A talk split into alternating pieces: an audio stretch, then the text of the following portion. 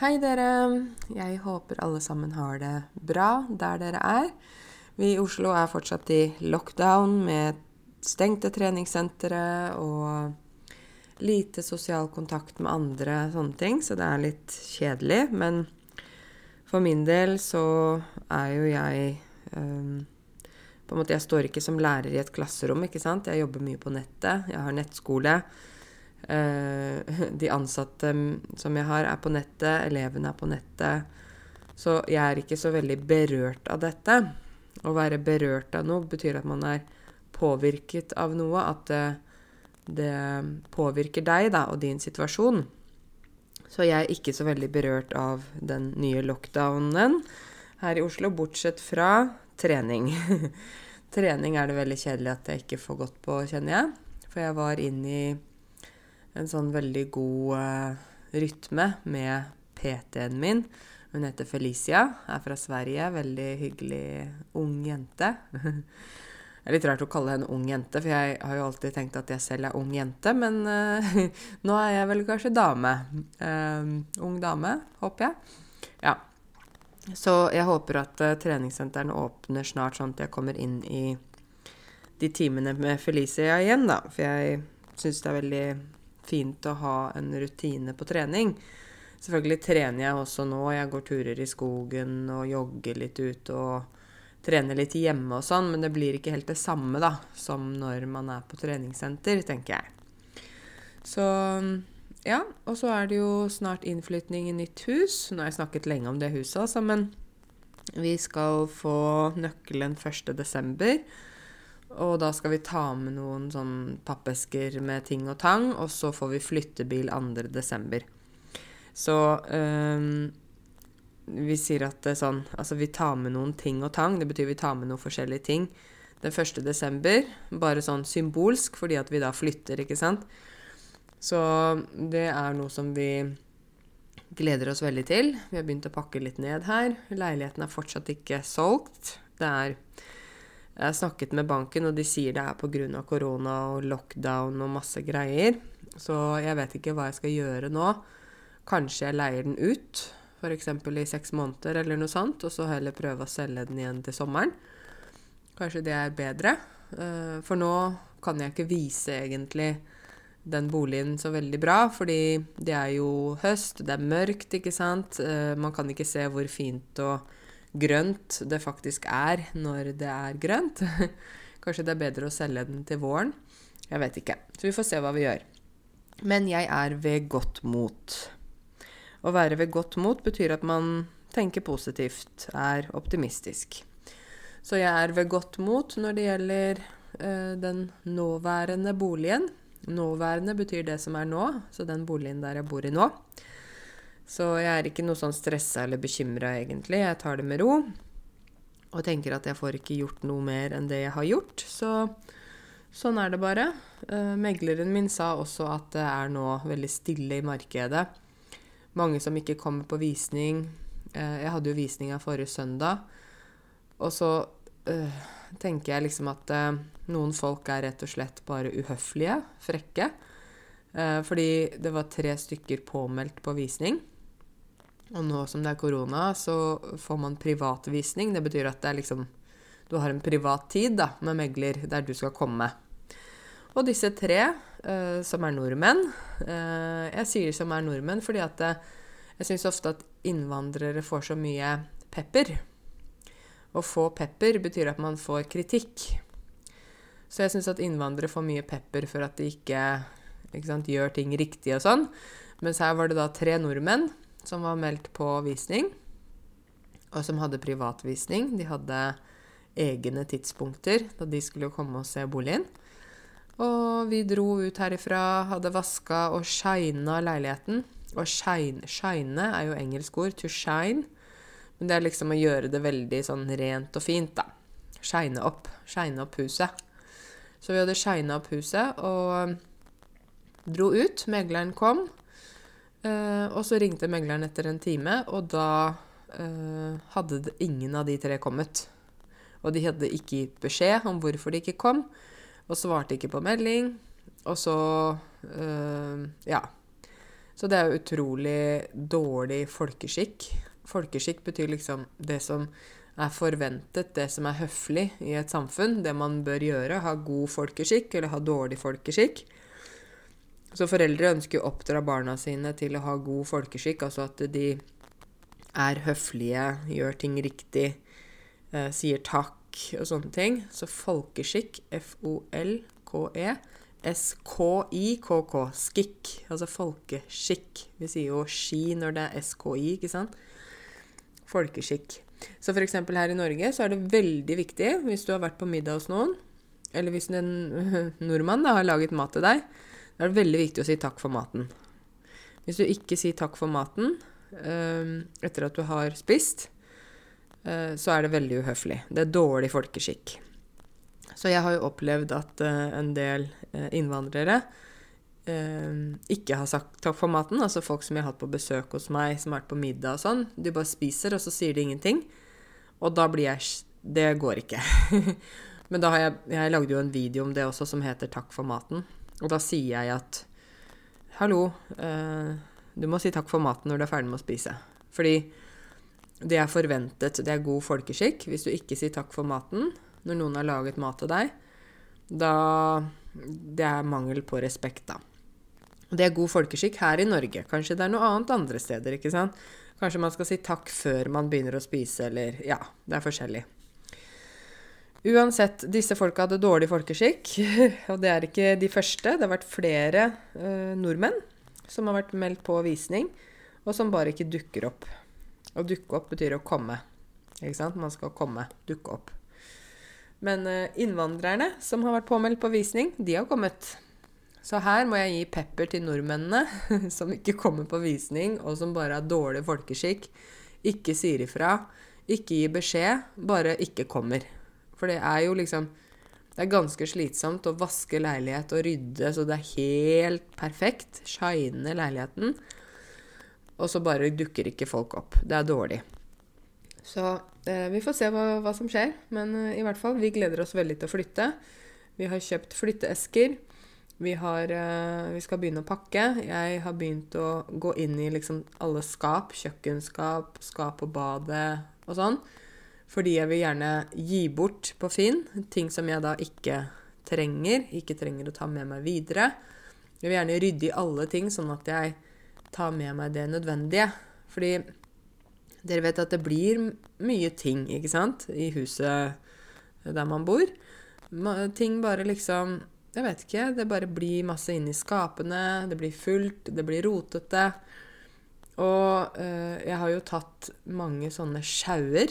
Å ta en sjau, S-J-A-U, sjau, betyr at man liksom tenker at OK, nå skal jeg gjøre noe skikkelig. OK?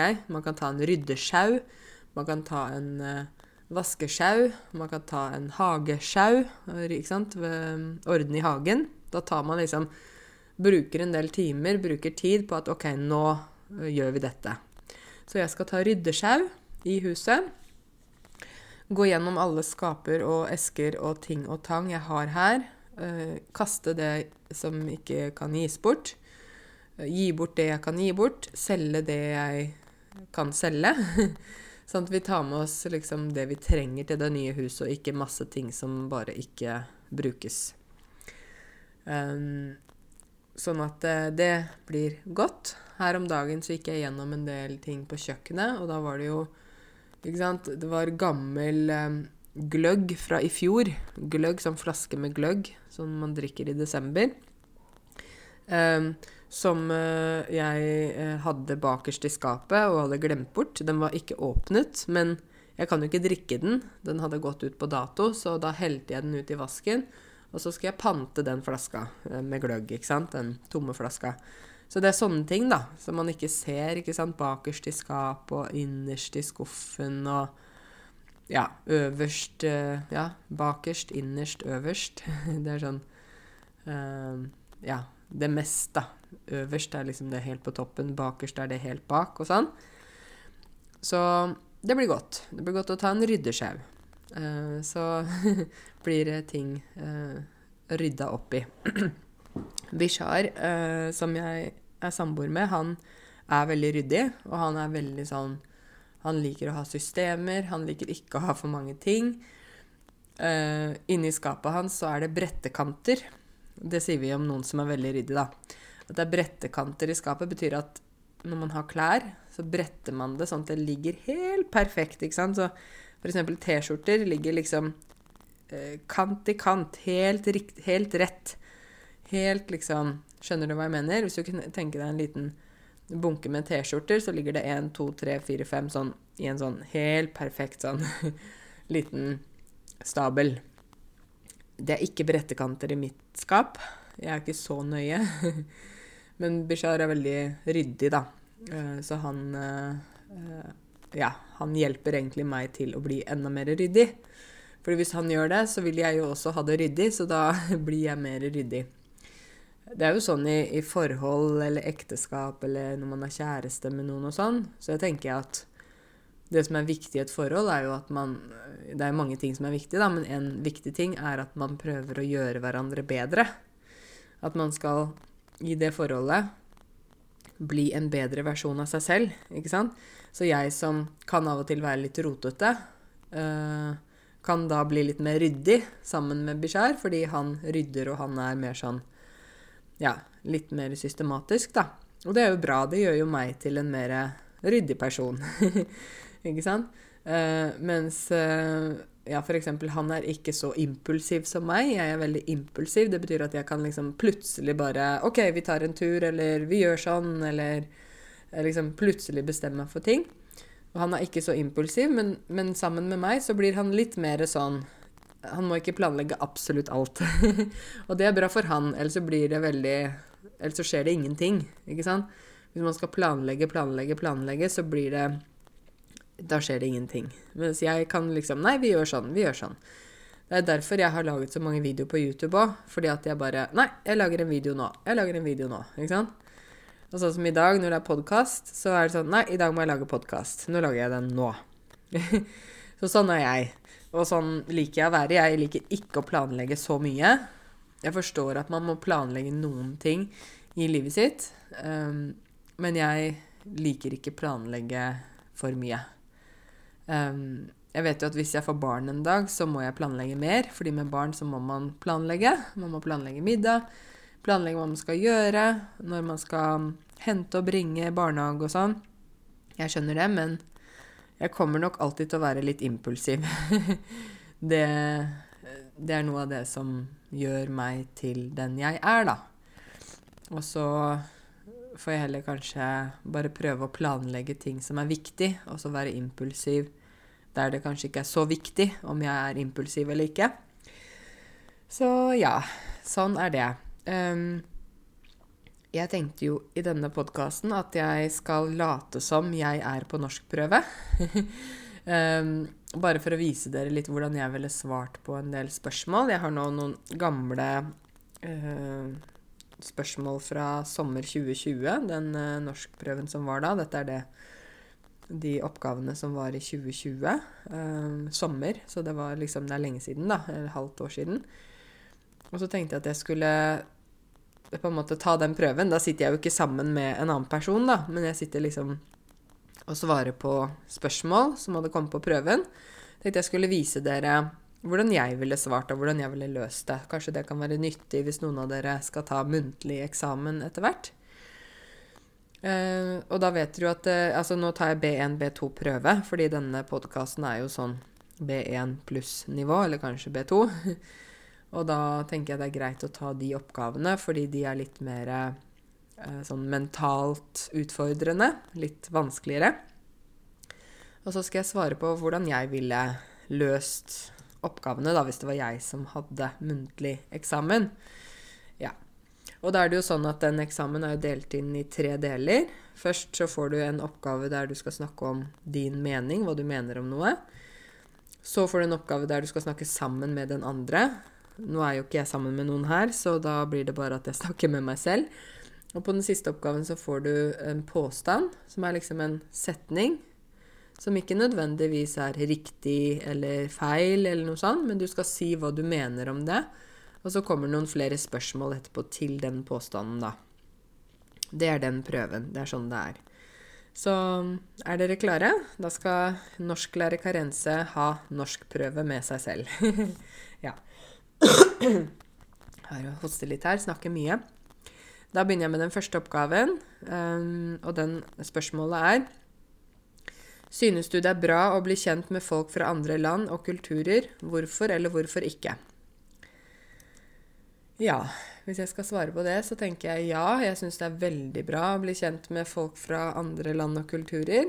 Um, vi lever i en, en, global verden, en verden der vi har kontakt med folk fra andre land.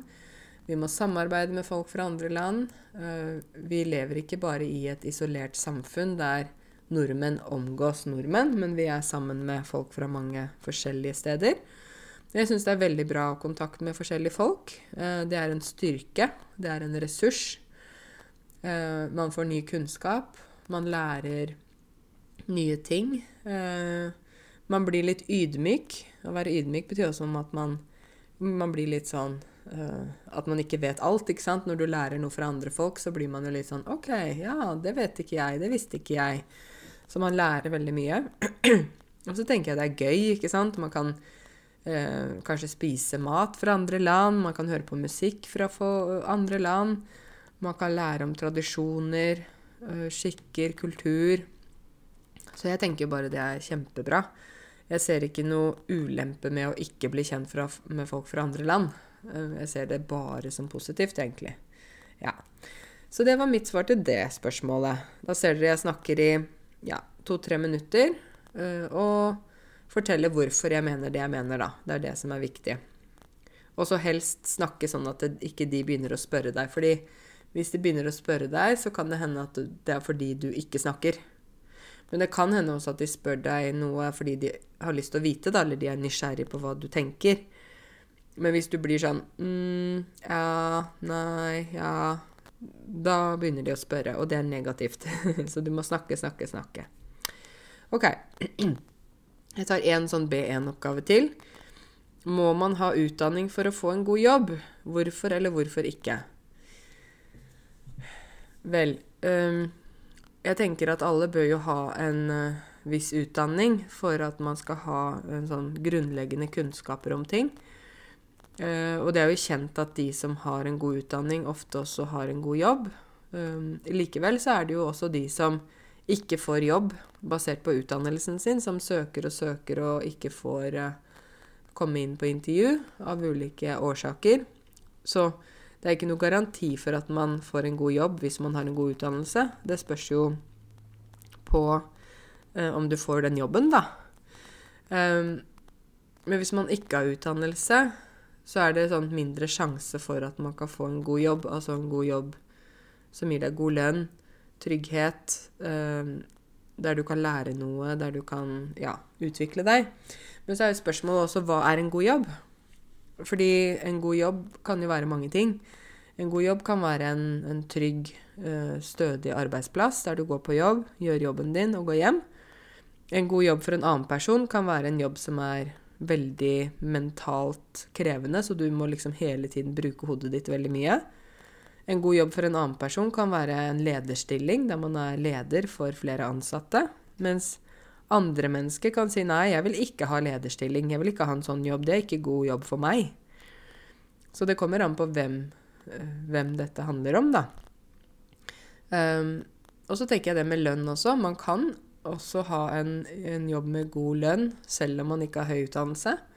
Man kan være heldig man kan på en måte ha rette kontakter, ha et godt nettverk som gjør at man får en jobb som man kanskje egentlig ikke har utdannelse som passer til, men om man har personlige egenskaper, kvalifikasjoner, som gjør at man klarer det likevel. Um, og så er det jo de som er uh, utdannet uh, håndverkere, f.eks. snekkere, rørleggere, elektrikere og sånn. De tjener jo ofte veldig godt, selv om de ikke har en lang utdannelse.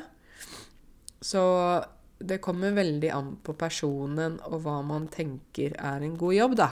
Og hva er liksom en god jobb for deg, hva er en god jobb for meg. Så jeg tenker at det er egentlig individuelt. Man kan ikke si uh, du har en dårlig jobb hvis den personen synes at jobben er god. Ja. Så det var, en, det var et annet uh, svar. Nå snakka jeg lenge, da. Jeg snakka litt mer. Egentlig så skal man jo her snakke i to-tre minutter, men jeg snakka jo ganske lenge.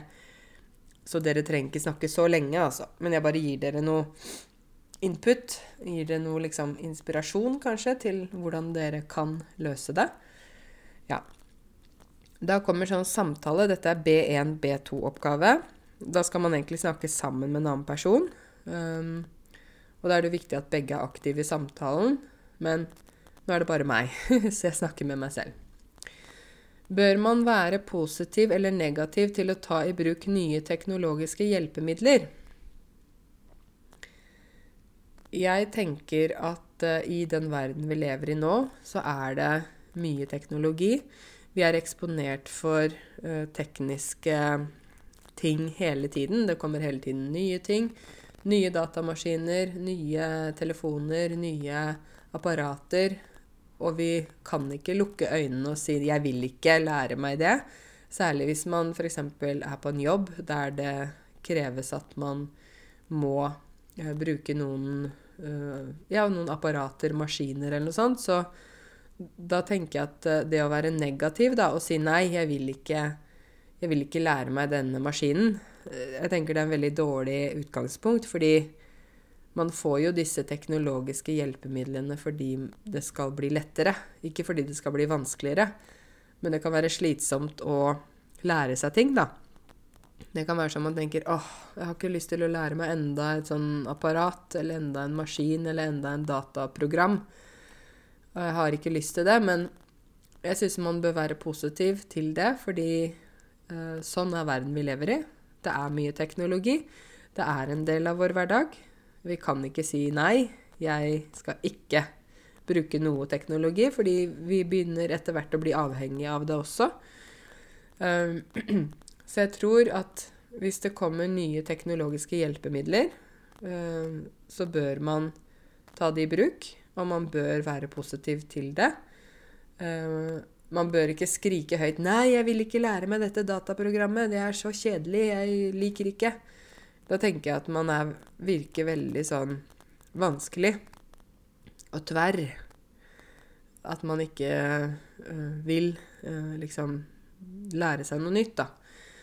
Og jeg tenker det å lære seg noe nytt er jo bare sunt. Vi trenger å lære noe nytt. Vi, vi kan ikke bare være i den samme bobla hele tida.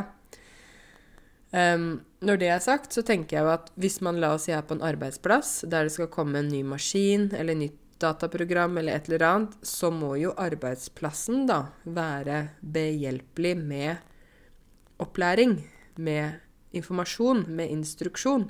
Man kan ikke bare si eh, her er en app som alle de ansatte må bruke, vær så god. Da må man jo gi noen instrukser, sånn at de ansatte føler at de får god informasjon, forstår hva de skal gjøre, og kan bruke uh, den appen eller uh, dataprogrammet eller maskin eller hva det er, på riktig måte.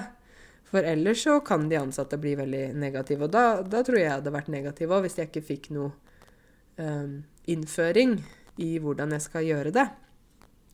Så jeg tenker at jobben til uh, de som da kommer med nye teknologiske hjelpemidler, er god informasjon og instruks.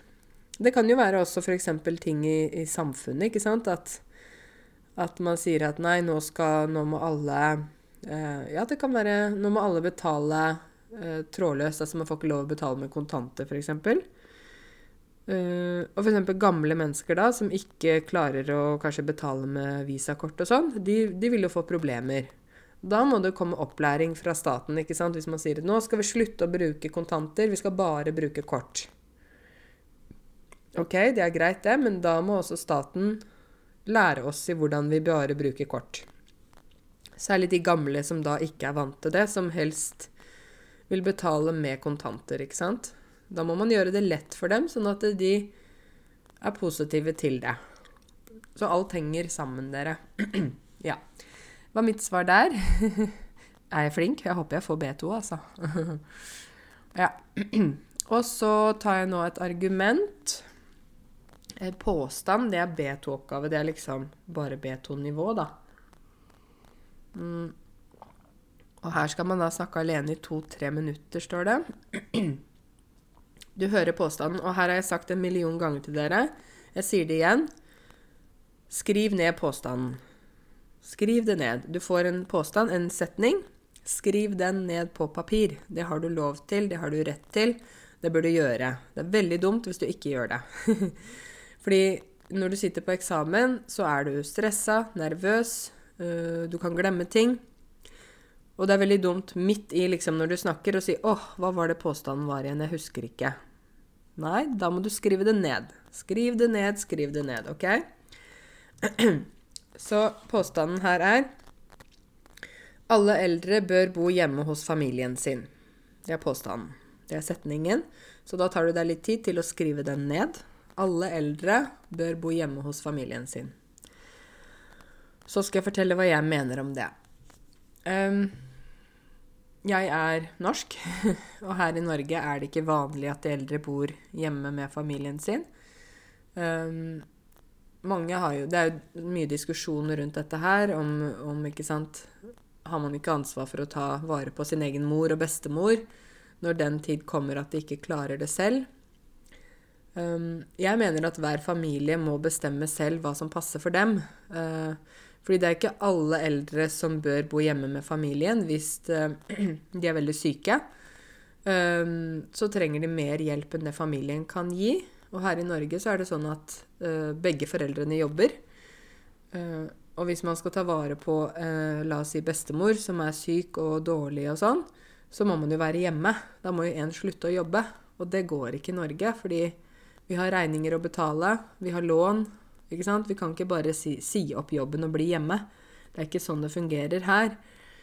Um, sånn at uh, For det kan jo være en fulltidsjobb ikke sant? å passe på en bestemor som er syk, kanskje ikke klarer å gå på do alene, ikke klarer å spise alene, trenger uh, mye pleie og hjelp. Og da tenker jeg det er bedre at de som er profesjonelle, altså uh, hjelpepleiere, sykepleiere, helsefagarbeidere, leger kan hjelpe til. Men det jeg syns er veldig viktig, er at familien må komme ofte på besøk. For her i Norge har vi et problem med at familiene ikke alltid besøker så ofte. At de gamle er veldig ensomme, ikke sant. Uh, og det tenker jeg at hvis de gamle bor på sykehjem, og får da den omsorgen de trenger sånn helsemessig der, så er det familiens oppgave og plikt å besøke de eldre gjerne ofte. Ikke sant? Ikke én gang i måneden. Det, det, er helt forferdelig. Gjerne én gang i uka, flere ganger i uka. Sånn at uh, man har god kontakt fortsatt, og at uh, den uh, gamle personen ikke føler seg forlatt.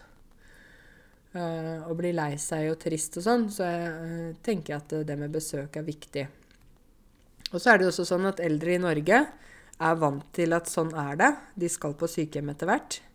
Så de vil ikke bo hjemme med familien sin. De kommer til å si nei. Jeg vil ikke bo her med dere.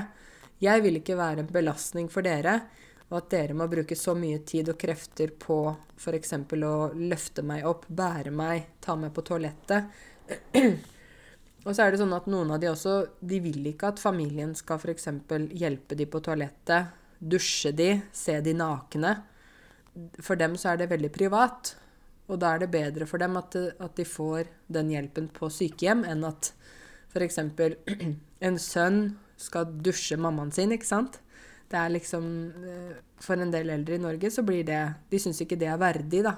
Det er ikke verdighet å, å gjøre det. Så, men så vet jeg også at i andre land så er det, er det ikke noe valg. Da, da, er man hjemme med familien sin, men da er også livet litt annerledes. Da kan kanskje én være hjemmeværende og én jobbe. Kanskje man ikke har så mye lån som vi har i Norge, og mye regninger. Um, og da er det litt annerledes, men sånn som det er her i Norge, så, så må folk gå på jobb. og det vet de gamle også. Unnskyld. Det var litt um, Stemmen min her prater mye. OK. Og da kommer de ofte med oppfølgingsspørsmål etterpå, ikke sant, til, um, til uh, den kandidaten. Um, oppfølgingsspørsmål. Hva mener du er fordeler og ulemper med at flere generasjoner bor sammen? Fordelene er jo at uh, man får tettere kontakt med familien, og at uh, f.eks. barnebarn blir godt kjent med sine besteforeldre. Uh, at man kan støtte hverandre, hjelpe hverandre og være sammen. Ikke være ensom og alene. Det er veldig bra at La oss si man har en stor enebolig, og så bor bestemor og bestefar uh, i første etasje og familien i andre etasje. Uh, det kan være fint. Um, da er liksom Barna kan løpe ned til bestemor og bestefar. ikke sant? Man har den kontakten. Ulemper tenker jeg jo at uh, det kan være at man bor for tett. At man blir liksom sånn Man føler at man ikke får puste. At liksom hvis, Jeg vet jo en del bor sammen med svigerfamilien, ikke sant. Uh, F.eks. en jente gifter seg med en mann og flytter inn til uh, hans familie. Og da kan jo hun føle seg veldig uh, dominert, eller at det er svigerforeldre kommer inn og bestemmer og har en mening med hvordan de lever. Uh, blander seg inn.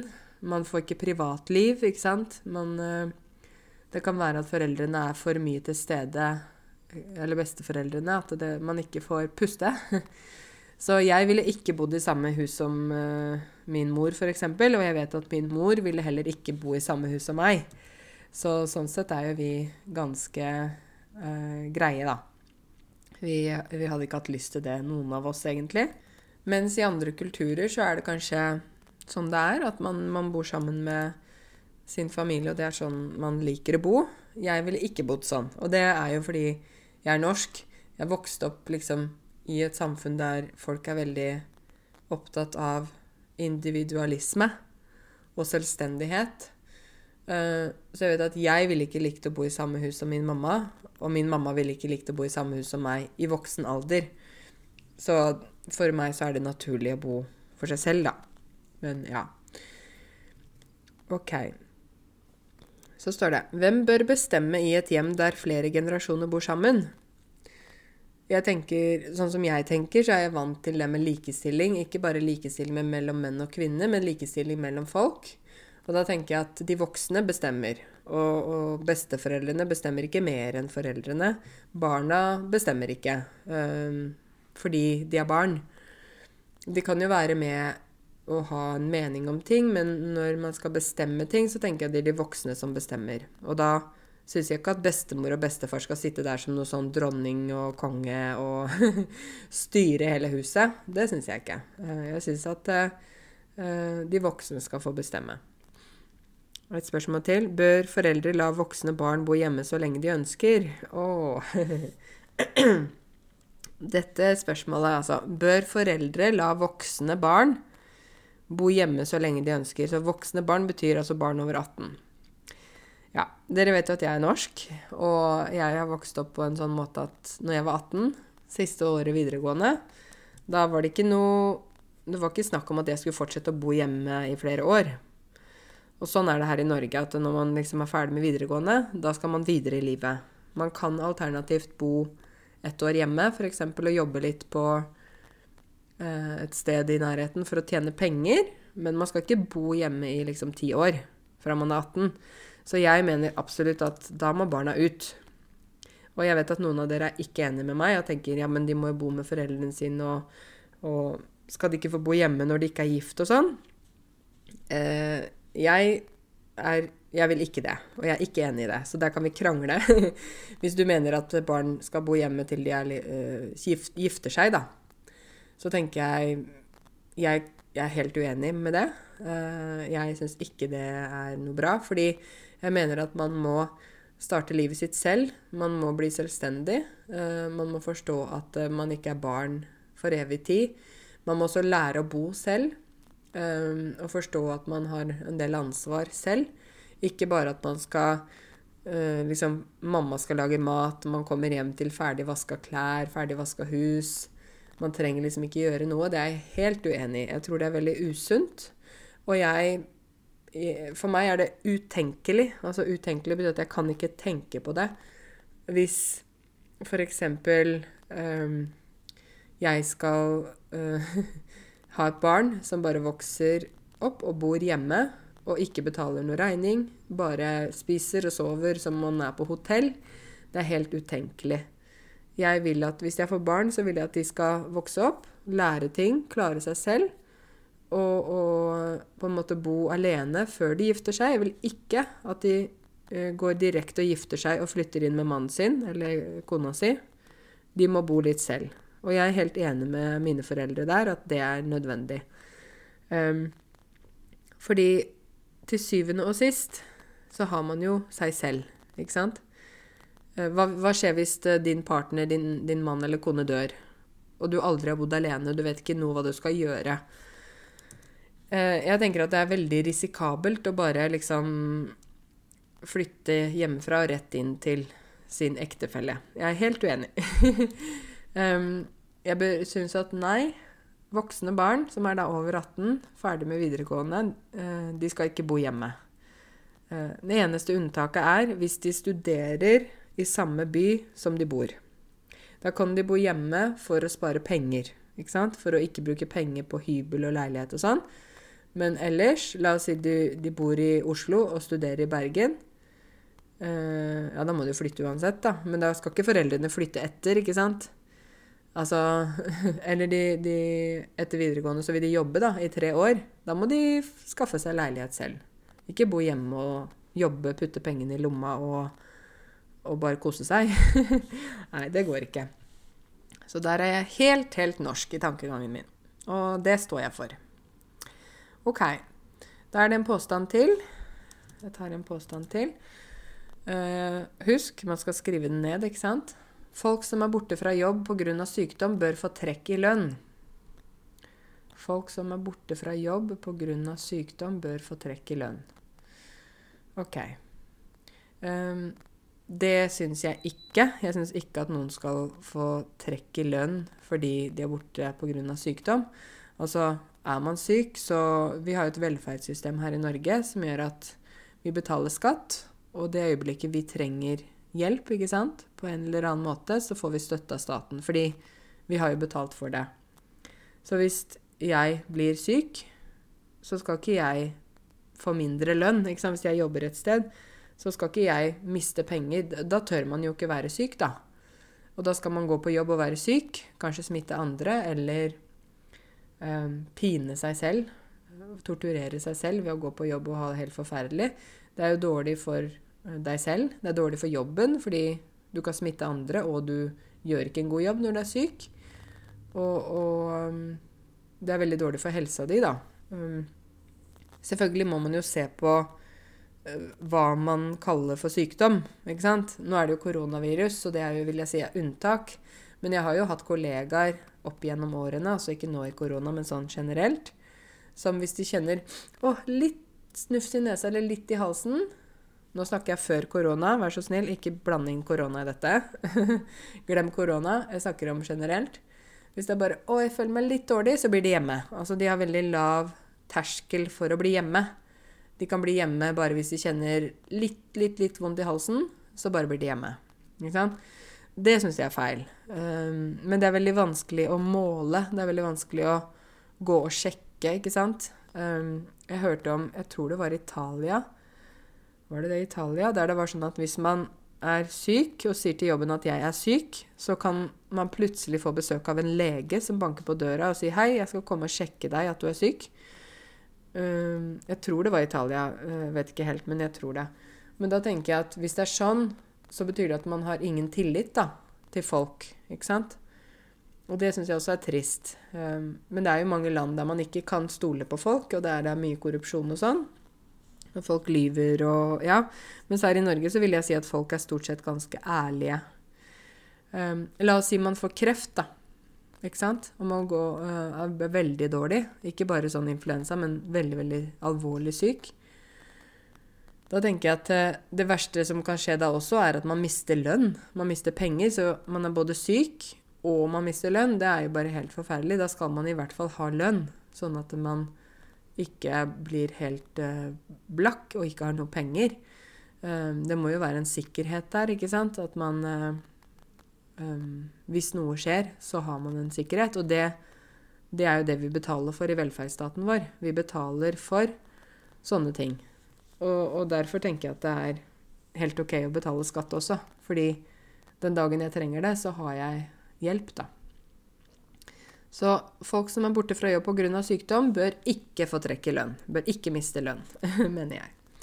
Det er noen ekstra spørsmål her også. Um, ser du noen negative konsekvenser av at en arbeidstaker som ikke er frisk, går på jobben? Uh, jeg tenker dette er litt sånn koronaspørsmål, kanskje, fordi dette var jo sommer 2020, så det har kanskje kommet um, spørsmål om dette pga. korona.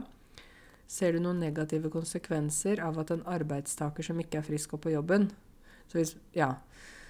ja, det gjør jeg. Hvis en arbeidstaker, altså en person som jobber, går på jobben og ikke er frisk, så er det mange negative konsekvenser av det. De andre kan bli smittet.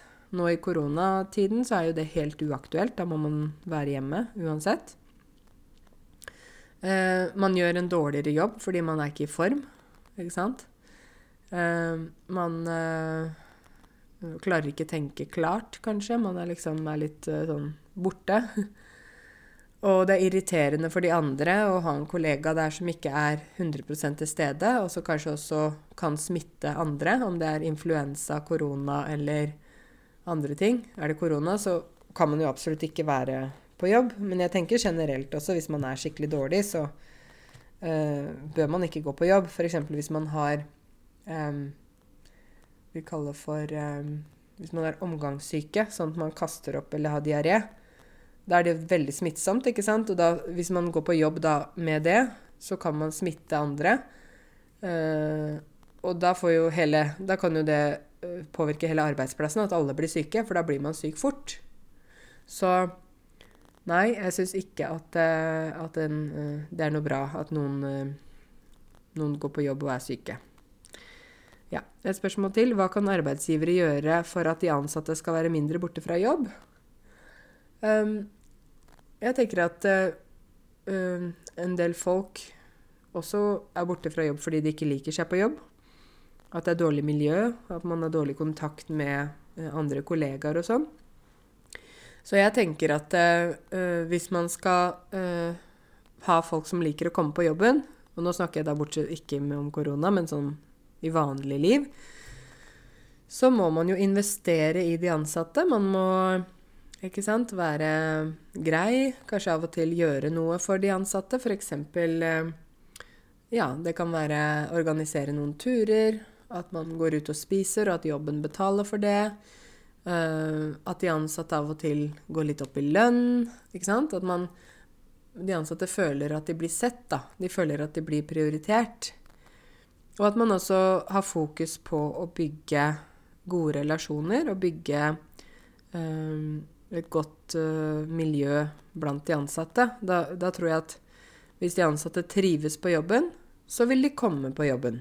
Da vil de ikke være så mye borte, fordi de liker seg på jobb, de vil komme på jobb. Men hvis man ikke gjør sånne ting, uh, da tenker jeg at uh, det vil være mer sånn forståelig at folk ikke har lyst til å gå på jobb, da. Så det må være en god arbeidsplass å dra til. Og siste spørsmål. Hvilken betydning har det å være i jobb i tillegg til det å ha en inntekt? Altså hvilken betydning det har. Hvor viktig det er. Altså, jeg vil si at ja, det er viktig å ha inntekt og få lønn, men jobb er mer enn bare penger. Ehm, jeg syns det er viktig å være i jobb fordi man er aktiv. Um, man får brukt både hode og hjerne. Man får liksom uh, brukt den ressursen man er.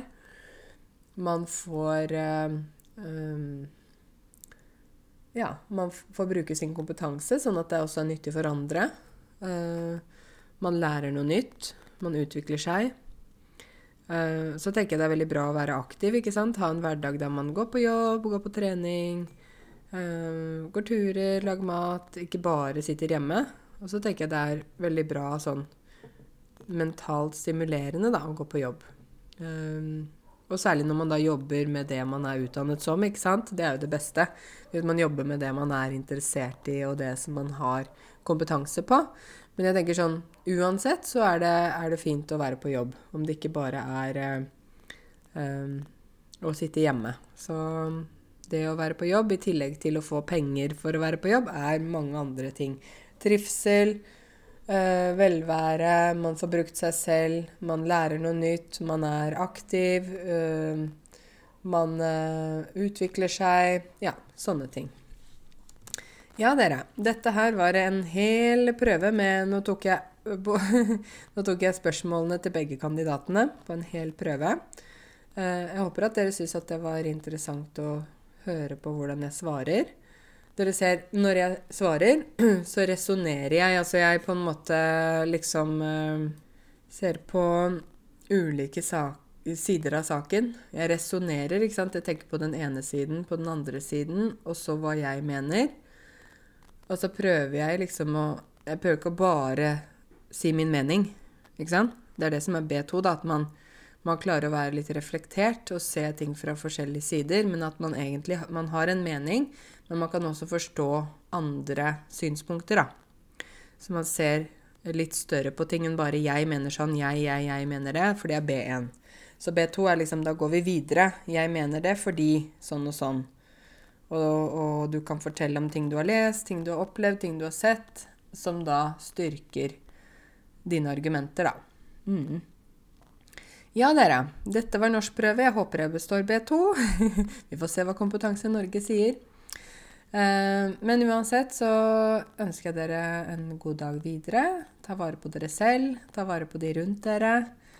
Og eh, vi håper på at alt blir bra, og at eh, vi ser bedre tider. Jo, en ting jeg må si. Jeg har lansering av websiden min i dag. Den nye websiden. www.note.no. Den skal komme ut i dag, så jeg gleder meg så mye. Jeg skal publisere litt på Facebook og YouTube og sånt om det, så det kommer. Ok, dere. God dag, god dag. Vi snakkes. Ha det bra.